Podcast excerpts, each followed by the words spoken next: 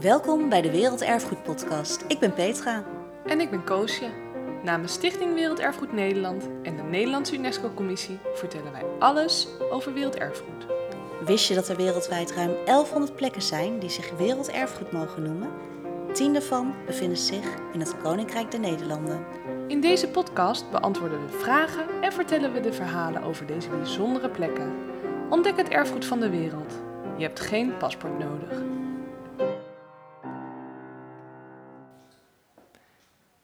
Bij de tweede aflevering van de Werelderfgoed Podcast. Deze aflevering kom je te weten hoe je werelderfgoed wordt, wat er al zoal bij komt kijken en hoe het traject op weg naar werelderfgoed eruit ziet. We zijn heel blij dat Wendy Schutte van de Kolonie van Weldadigheid een erfgoed op weg naar werelderfgoed tijdens deze uitzending vertelt hoe dit traject voor hun verliep en hoe zij dat hebben beleefd. En dit alles doen we vanuit de woonkamer en dit keer ook op locatie bij de koloniën. Voor de exacte feiten, details en officiële documenten check de websites unesco.nl en werelderfgoed.nl. Op het moment van de opname gingen we er nog vanuit dat het besluit van UNESCO of de kolonie van weldadigheid werelderfgoed zou worden, dit jaar zou plaatsvinden. Helaas wordt dit besluit volgend jaar, in 2021, genomen. En zullen we binnenkort horen wanneer dit exact plaats gaat vinden. Meer weten over dit op weg naar werelderfgoed, waar 1 miljoen Nederlanders en Belgen hun voorouders hebben? Kijk op www.kolonievanweldadigheid.eu.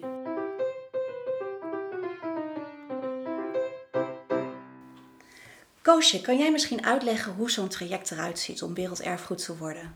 Nou, je hebt grofweg eigenlijk vier stappen die je moet doorlopen. Het eerste is dat als jij als land lid wordt van het Werelderfgoedverdrag, stel jij een voorlopige lijst op. Dat is het in kaart brengen van het erfgoed in eigen land dat potentieel werelderfgoed Oké. is. En dat kan ook alleen maar als je dus lid bent, hè? Dat kan alleen Even als je, lid bent van het, ja, als je lid bent van het verdrag.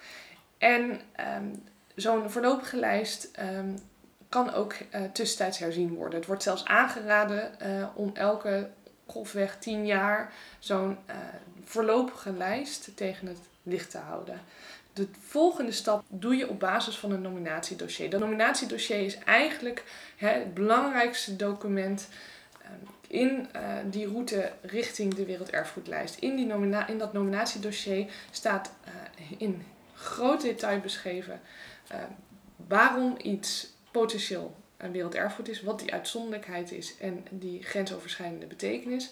Maar er staan ook heel veel details over hoe het beheer eruit ziet en hoe men in de komende periode van jaren eigenlijk dat beheer vormgeeft. Welke wetgeving van toepassing is. En hoe die werelderfgoedstatus potentieel eh, eh, gewaarborgd kan blijven.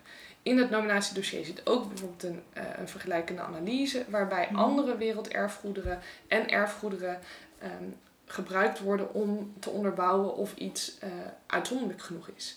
Dus om te laten zien dat het nergens anders op de wereld voorkomt. Ja, en als het wel anders, ergens anders in de wereld eh, voorkomt, om aan te tonen dat het dus de eerste keer was, of juist wat het specifieke uitzonderlijke aspect is eh. Als dat nominatiedossier is opgesteld, dan wordt het ingediend bij het Werelderfgoedcentrum in eh, Parijs. En dan vervolgens wordt het geëvalueerd. Dat is stap 3. Die evaluatie wordt gedaan Mhm. door ICOMOS voor culturele erfgoederen en voor, door IUCN door natuurlijke erfgoederen. En daar vindt ook een missie plaats waarbij eh, dus eh, een onafhankelijke experts het erfgoed gaan bezoeken, gaan evalueren en er komt vervolgens een advies uit. En dat advies is weer heel erg belangrijk omdat eh, in dat advies wordt besproken of iets inderdaad ehm werelderfgoed waardig is. Oké. Dus En dat dan- is heel belangrijk. Ja, en dan is de laatste stap is natuurlijk dat het uiteindelijk eh, door het Werelderfgoedcomité besproken wordt, geëvalueerd en uiteindelijk besloten wordt of iets wordt ingeschreven. Ja, en wat, wat ik ook had gehoord is dat dat adviesrapport, dat komt echt maar kort voordat het comité eh, uit, hè? dat het gepubliceerd wordt. Dus het blijft echt heel lang spannend voordat op weg naar werelderfgoed. Ja, dus daar hangt heel erg veel af natuurlijk van zo'n inschrijving. En ook die, die hele evaluatie, dat evaluatieproces, dat gebeurt ook in, eh, met, met strikte geheimhouding. Waarbij echt geprobeerd wordt om eh, zo, eh, nou ja, eh, objectief, objectief mogelijk. inderdaad zo'n evaluatie te laten plaatsvinden. Dat het voldoet aan de tien criteria, of tenminste één van de tien criteria die gebruikt wordt om die uitzonderlijkheid te onderbouwen. En ehm, nou ja, je wil natuurlijk ook dat deze informatie uh, niet al te ruim van tevoren beschikbaar is, want dan is er ook weer heel veel ruimte om daar eventueel die besluitvorming uh, uh, te beïnvloeden. Maar voldoende tijd om het door het Werelderfgoedcomité te laten evalueren. En dat is vaak zes weken van tevoren. Wauw, zes weken. Ja. wat misschien nog wel even leuk is ook voor de mensen die luisteren, is om te vertellen dat bij, op de, onze website heb je een factsheet over werelderfgoed. En daar staat heel duidelijk, zeg maar, welke criteria ehm, eh, er zijn uh, waar een werelderfgoed aan zou moeten voldoen. En dat zijn dus die tien waar je het net over had. Ja, zes cultuur en vier natuur. En je moet aan minimaal één van de tien criteria voldoen. En daarnaast hebben we dus ook nog aspecten als integriteit en authenticiteit waarop beoordeeld wordt. Dus gekeken wordt, is het fysieke materiaal, dus het erfgoed, is dat uh, authentiek ja. genoeg? Um, uh, en integriteit is bijvoorbeeld een aspect van, is het, is het volledig of zijn er bepaalde uh, factoren die de plek negatief beïnvloeden? Oké. Nou, dat, zijn, dat zijn de toetsingscriteria. Wow, dat is nog best wel uitgebreid. Nou, dan ben ik straks wel benieuwd hoe de koloniën het gaan doen.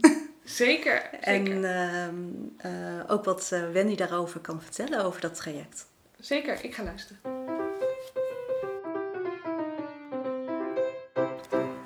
Welkom Wendy Schutte. We zijn hier op de locatie. Op locatie bij een op weg naar Werelderfgoed, de kolonie van weldadigheid. En ehm, ja, Wendy, Vertel eens, wat is jouw rol precies bij eh, de Kolonie voor Weldadigheid? Dankjewel, Petra. Ik ben Wendy Schutte. Ik ben eindverantwoordelijk voor het werelderfgoed worden van de Kolonie van Weldadigheid in Nederland. Wendy, wij krijgen een vraag altijd, of heel vaak, zowel bij UNESCO als bij ons, bij de Stichting Werelderfgoed Nederland. En dat is, hoe word je werelderfgoed? En uh, dus vandaar ook een beetje mijn vraag naar jullie: van ja, hoe zag dat traject er voor jullie uit? Leuke vraag. Ja, want jullie zijn het natuurlijk nog niet. Nee, het is als het bouwen van een huis. Je begint er gewoon aan. Mm En uh, achteraf misschien is het een hele reis, zeg maar, om het uh, te halen. Nou, het begint met um, um, zoiets willen. Uh, dat was hier bijvoorbeeld zo in Veenhuizen en in Frederiksoord, omdat uh, de mensen in die gebieden en de gemeente en allerlei experts zich heel bewust waren hoe ontzettend bijzonder die gebieden waren. Maar ze stonden ook onder druk. Hier in Veenhuizen was heel veel leegstand. En toen werd er gedacht, nou, het is eigenlijk wel een idee om te kijken of die koloniën ook werelderfgoedwaardig zijn. Want dan hebben we een goede reden om het mooi in stand te houden. En dat is gebeurd. Ja. Maar hoe zoiets begint. Een land heeft alle landen die meedoen met uh, de Werelderfgoedconventie, mm wereldwijd. Uh, dat zijn zo'n circa 195 landen. Die hebben een voorlopige lijst werelderfgoed, een groslijst. Zo'n voorlopige lijst uh, werelderfgoed heeft Nederland ook. En toen we in de kolonie van Waardadigheid bedachten dat we eigenlijk wel werelderfgoed zouden willen worden, toen zat Nederland zelf in het Werelderfgoedcomité. En toen kon er geen, uh, konden er geen erfgoederen bij op die lijst. In 2010 uh, eh, is door de minister van Cultuur een commissie ingesteld, commissie Leemhuis. En die heeft een nieuwe groslijst gemaakt. En daar hebben wij ons voor aangemeld. En hoe gaat dat dan in zijn werk? Dus dan, dan vraagt de regering aan al het erfgoed of hoe moet ik dat zien? Nou, er was een brief bij de post. Ik werk bij de provincie Drenthe op, ja? in een team voor cultuur en erfgoed. Er zat een brief bij de post, geachte provincie Drenthe. Wilt u uh, de koloniën van weldadigheid of mogelijk de hunebedden voordragen als werelderfgoed? Nou, daar is toen over gesproken in ons college en er was een advies hebben we daarover gemaakt. En toen uh, is er een brief teruggegaan. Geachte minister, wij willen graag de kolonie van weldadigheid voordragen als erfgoed voor de voorlopige lijst van Nederland. En toen ging er een heel traject in gang en toen kwam er een commissie langs en moesten we beoordeeld worden. Die hebben we ook hier ontvangen in Frederiksoord, Wilhelminaoord en in Veenhuizen. En die commissie was eigenlijk best heel overtuigd van de betekenis uh, van, uh, de koloniën van weldadigheid. Ja. En toen zijn we Maar je moet in laten zien 2011 dat je op die lijst bent. gekomen. Ja. Ja, je moet aantonen dat je wereldwijd uniek bent. Dat het erfgoed eh, nergens anders eh, ter wereld is. En ook dat het eh, van universele waarde en betekenis is voor de mensheid. ja, Nog niet vanzelf. Nee. en dat is wel heel erg bijzonder natuurlijk. Om eh, dat op kaart te krijgen en dat je dan ook die erkenning krijgt, in ieder geval van de regering al. Van eh, ga het maar proberen, Ja. toch? Klopt. Dus wij waren ook ongelooflijk blij eh, daarmee in de gebieden. Mhm. dat dat lukte. Omdat we dat ook graag wilden zelf. Ja, tuurlijk. Ja. Oh, wat goed. En ik weet bijvoorbeeld dat het een heel lang proces is. Dus je zei al van 2010, we zitten nu in 2020. Dus dan zijn jullie dus eigenlijk al tien jaar bezig Ja. Eh, met op weg naar werelderfgoed. Maar eerst was het gewoon iets wat af en toe een keer langskwam. Ja. En nu is het, eh, op een gegeven moment wordt het zeg maar ook een, eh, ja, vraagt het veel meer tijd en aandacht. Maar dat wisten we toen niet.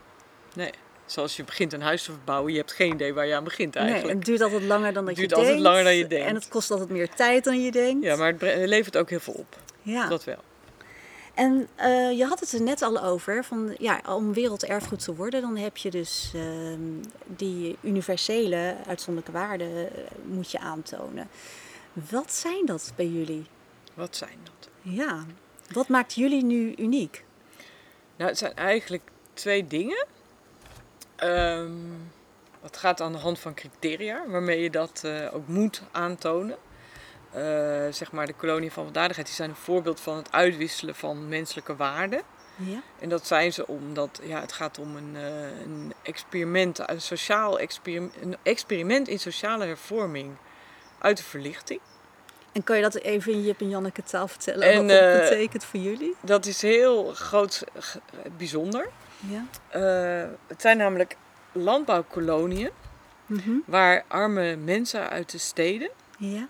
In de vroege 19e eeuw werden opgevangen en de kans kregen om een nieuw bestaan op te bouwen.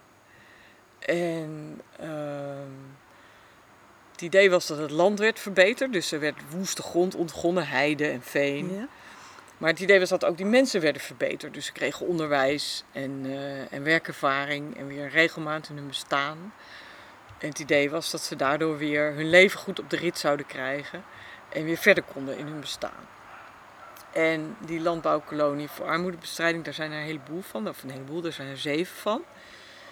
En In de Benelux, zeg maar. ja, in België en Nederland. Twee in België, vijf in Nederland. Mhm. En vier van die gebieden, die dragen we voor als werelderfgoed. En wat ook het tweede aspect wat ook heel bijzonder is, is dat het zijn binnenla- ja, het is, gaat om binnenlandse kolonisatie. Dus het is eigenlijk niet wat we kennen van westerse landen die Kolonie en koloniën in andere werelddelen eh, bezetten en daar zeg maar landbouw eh, hebben en daar een economisch gewin uit hebben. Mhm. Maar hier werden gebieden ontgonnen in eigen land als koloniën met als doel een sociaal doel. Namelijk het oplossen van de armoede en het verhogen van de voedselproductie. En dat is heel ongewoon. En de koloniën van weldadigheid zijn dan ook nog eens eigenlijk het eerste echte grote voorbeeld daarvan. En ook heel veelomvattend, want alle groepen armen werden er opgevangen. En eh, is dat later ook op in andere landen geweest dan? Omdat je zegt een voorbeeld? Of? Nou, het principe van binnenlandse koloniën met een sociaal doel, dat vind je Mhm. wel op andere plekken. Mhm. Maar meestal gaat het dan om één doelgroep die wordt opgevangen. Dus je hebt bijvoorbeeld in Mettray, heb je, in Frankrijk heb je eh, een, eh, tehui- een, een tehuis, een instelling voor jongeren. Eh, die een beetje lijkt op de kolonie van weldadigheid en die ook uit de 19e eeuw komt. Hè, of je hebt in New Lanark in Schotland heb je eh, fabrieken waar eh, de arbeiders hele goede huisvesting kregen. Maar goed, dat zijn dus alleen jongeren of alleen fabrieksarbeiders. Maar wat jullie uniek maakt is dat het eigenlijk hele groepen...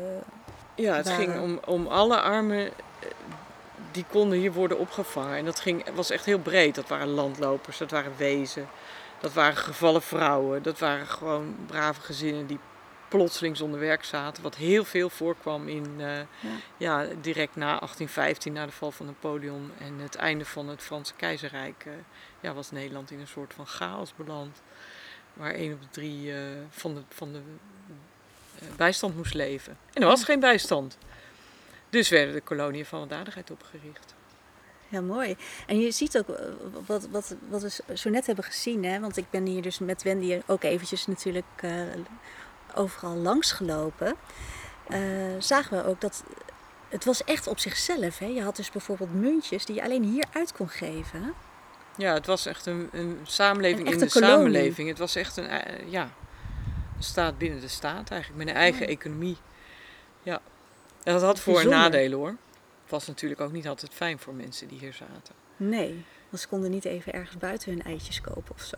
Nee, en ze moesten ontslagbrief aanvragen om weer terug te mogen naar de gewone wereld. Ja. ja, dus het heeft wel twee kanten, zeg maar. Het heropvoeden en een kans geven aan mensen, ja, heeft ook wel uh, ja, een dwingend karakter. Ja. ja.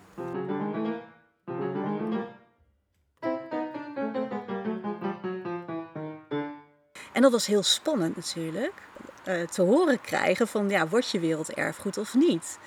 Klopt. En kan je daar ook wat meer over vertellen? Wanneer was dat en wat is er precies gebeurd? Want je kreeg gewoon huiswerk mee. Ja, ja we, hebben, we hebben dus toen we op de voorlopige lijst stonden, mochten we een dossier maken. Toen hebben we helemaal uh, onderbouwd uh, en beschreven waar, wat er dan zo bijzonder is aan die koloniën van weldadigheid, ja. aan de landschappen daarvan. Hebben we ingediend in januari 2017 en dat is in 2018 stond het op de agenda van het Werelderfgoedcomité in Bahrein. Maar daar was ook een advies bij van het adviesorgaan van UNESCO. En dat adviesorgaan was heel streng. En die zei, ja, maar uh, hier staan ook af en toe staat er een nieuw gebouw tussen. Of uh, hier of daar is iets heel iets minder gaaf. Ja, het en is belangrijk dat je aut authentiek Het is belangrijk bent, dat je authentiek bent. Ja. En uh, ja, wij hebben daar in Nederland, kijken we daar een beetje anders tegenaan, bleek toen, dan internationaal. binnen de wereld van UNESCO. Mm -hmm. Uh, dus het advies was: ja, doe je huiswerk eigenlijk maar over en dien één kolonie in. Oké. Okay. En dat vonden wij niet zo leuk. Het betekende ook dat het adviesorgaan het niet had begrepen dat het ging om een stelsel van armoedebestrijding met op verschillende plekken verschillende opvangen voor verschillende groepen armen. Ja. Dus wij vonden dat we daarmee eigenlijk ook geen recht waren, uh, waren gedaan. Dus we hebben toen een brochure geschreven waarin we dat hebben duidelijk gemaakt hoe dat zat. En het is besproken door het Werelderfgoedcomité, de 21 landen die daarin zaten. En die vonden eigenlijk het wel een heel interessant initiatief. Want je ziet dat landen als, als Brazilië, Indonesië, China. Mhm. zijn natuurlijk allemaal landen die op dit moment ook gewoon heel erg met armoede te maken hebben. Dus het, ja, het, is, Ja. het is gewoon zo'n universeel thema. En, en als je dan zo'n utopisch experiment hebt, wat in wezen mislukt is. en toch ook weer zijn gevolgen heeft gehad, zeg maar daarna op de instellingszorg, invloed heeft gehad op de instellingszorg eh, in, in Europa. Ja, dan, dan is dat eigenlijk wel heel relevant. Dus eigenlijk vonden de landen het wel interessant. Dus ze zeiden nou, dat adviesorgaan is te streng. Jullie mogen Ja. terugkomen. En je hoeft niet met één terug te komen, maar kom maar gewoon met een verhaal voor die hele serie terug. Of voor de, het Mhm. beste deel van de serie. En eh, binnen een jaar, of binnen uiterlijk drie jaar. En dat hebben we toen gedaan. Oké. En, en hoe heet dat nou? Eh, Het heet dus een referral, hè? Als je dus huiswerk meekrijgt, zeg maar, gewoon eh, Ja. weer wat dingetjes anders neer moet zetten. Maar je kan verschillende adviezen krijgen. Not inscribe, dat was Ja. het ergste. Dat kregen we gelukkig niet. Maar we kregen wel een deferral. Dus dat betekende doe al je Oeh. huiswerk over. En doordat wij zeg maar eh, wel het debat zijn aangegaan daarover, Ja. kregen we uiteindelijk een referral. En dat betekent doe wat huiswerk over. Ja. En dat eh, hebben we Dus daar was wel de erkenning van werelderfgoed. Ja. Maar het was nog niet goed genoeg omschreven. Ja, het- was... eh, ja, klopt. Oké. Ja. En eh, nou, je gaf al aan dat, dat, dat, dat ze problemen hadden met een aantal gebouwen die te nieuw waren. Ja. Waren er nog meer punten? Nou ja, zeg maar voor verbetering vatbaar puntjes. Ja, het is. Kijk, wat wij. Eh, ik zou iedereen die nu nog zeg maar een eh, werelderfgoed wil voordragen aanraden om zich heel goed te verdiepen in wat zeg maar op dit moment het beleid is en de gewoontes zijn Mhm. eh, binnen die wereld. Ehm, want wij hadden zeg maar ehm, eh, het landschap, de ontwikkeling van het landschap tot en met nu hadden wij ingediend. Nou, dat, dat, dat is Ja. not done in werelderfgoedwereld. Ja, was eigenlijk van ons werd verwacht dat we zeg maar een soort van eindtijd hadden van nou, van dan tot dan was het eh, bijzonder. En alle gebouwen en, en, en lanen in ons geval. En Mhm. akkers en, en bossen en wat dan ook. Die periode, die zijn werelderfgoedwaardig. Nou, dat was de verwachting en dat hebben wij toen uiteindelijk ook gedaan. Dus eh, we hebben nu eh, stukjes uitgeknipt. Dus de nieuwbouwwijken in Wilhelminaoord en in Veenhuizen, die zijn geen, worden geen werelderfgoed. Oké, dus in principe zeg je van, nou ja, eh, die punten die hebben we opgepakt. En het is ook Ja. gelukt om dat zo te omschrijven zoals eigenlijk van jullie wordt verwacht. Zoals werd verwacht, ja. En nu zouden we dus eigenlijk in juli, zouden jullie in China zitten. ja. Om dan te horen dat of het nou echt gelukt was, ook voor het Werelderfgoedcomité, wat jullie allemaal hebben gedaan en wat voor werk jullie hebben verricht. Dat klopt. Maar eh, dat is niet doorgegaan natuurlijk door de corona. Nee, En- ehm, het, is, ehm, het gaat wel door. Hè? Ja? Dus ja, we zitten gewoon in een besluitvormingsprocedure en die gaat gewoon verder. Dus daar hebben we alle vertrouwen in. Maar eh, ja, het Werelderfgoedcomité kon niet bij elkaar komen. Dat is ook wel logisch. Dat is heel Ja. goed te begrijpen dat je niet met 195 landen met corona bij elkaar gaat zitten. Dus het wachten is nu op wanneer ze dan wel dat besluit gaan nemen. Mhm. Uh, maar wij hebben er wel vertrouwen in dat het de goede kant op zal gaan. Want we hebben, zeg maar, van, uh, we hebben zelf het adviesorgaan uitgenodigd en gevraagd om ons uh, ja, wat adviezen te geven over hoe moeten we dan. En hè, de punten Ja. waar jullie ontevreden over zijn, waar zit hem dat dan in? Zij hebben ons hele goede vragen gesteld. Wij hebben daar hele goede wetenschappelijke rapportages over geschreven. En uiteindelijk ligt er een advies van het adviesorgaan. Dus je bent positief Ik ben er heel positief over. Ja. Alleen de Maar timing hebben we geen Ja. invloed op. Het is als het verbouwen van een huis. Ja, je kunt een keer tegenslag hebben. Ja, iedereen heeft tegenslag Ja, natuurlijk klopt. door corona. Dus we moeten er gewoon nog even op wachten. Het Ja. blijft gewoon nog even spannend. Blijft nog even spannend. Wat ik ook heel erg leuk vind aan deze nominatie, is natuurlijk dat jullie samenwerken met een ander land. Ja. En dat is, eh, we zien dat natuurlijk wel vaker, zelfs in het Koninkrijk der Nederlanden. Hè? Want de Waddenzee die werkt dus ook samen met Duitsland en eh, met Denemarken. Dus dat is werelderfgoed eh, met drie landen. Eh, en jullie werken samen met België, want je vertelde net al dat er koloniën zijn in België. Ja. Kun je me daar iets over vertellen? Want dat is natuurlijk wel anders. Ja, je zit dan toch wel met twee culturen ook, eh, ben je dan bezig. Klopt. Kan je daar nog een leuke anekdote over vertellen? Of kan je... Nou, niet zozeer misschien een anekdote als wel waarneming. Eh, wat wat heel, heel leuk is om te zien, Mhm. is dat wij in Nederland denken we altijd dat we alles best goed voor elkaar hebben en heel professioneel zijn. Dat is Ja. ook wel zo. Maar één ding kunnen wij heel goed leren van de Belgen en dat is hoe je met netwerken omgaat. Wat Want eh, hè, wat ik net al zei, het, het begrijpen zeg maar, van, eh, van de ontvanger, Ja? ja, dat is iets waar zij goed in zijn. Zij hebben zeg maar, uitgebreider dan wij hun internationale netwerken voor elkaar. Dat doet de. Vlaamse overheid, doet dat. doen ze heel goed. Dus daar hebben jullie ook wel een goede wisselwerking in gehad. In die zin dat je daar heel veel van hebt geleerd om met eh, België samen te werken. Ja. Dus naast dat, dat, dat jullie bezig zijn geweest met de nominatie, eh, heeft het ook wel gezorgd voor een andere ontwikkeling binnen de organisatie zelf. Ja, je hebt dan meer slagkracht.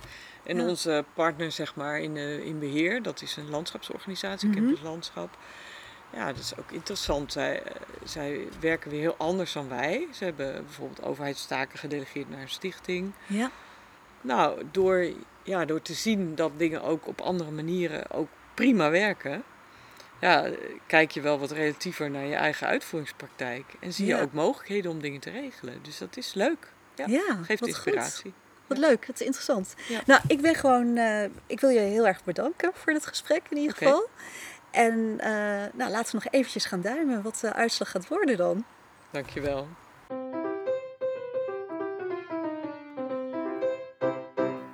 Nou, we gaan dus duimen voor de koloniën van weldadigheid. Dat zij inderdaad nog dit jaar op de werelderfgoedlijst komen. Eh, maar ja, hè, dan heb je dus zo ontzettend veel tijd besteed ehm, aan zo'n nominatietraject. En je hele ziel en zaligheid daarin gelegd. En dan hopelijk, nou ja, word je dus ingeschreven op de werelderfgoedlijst. Dan ben je werelderfgoed.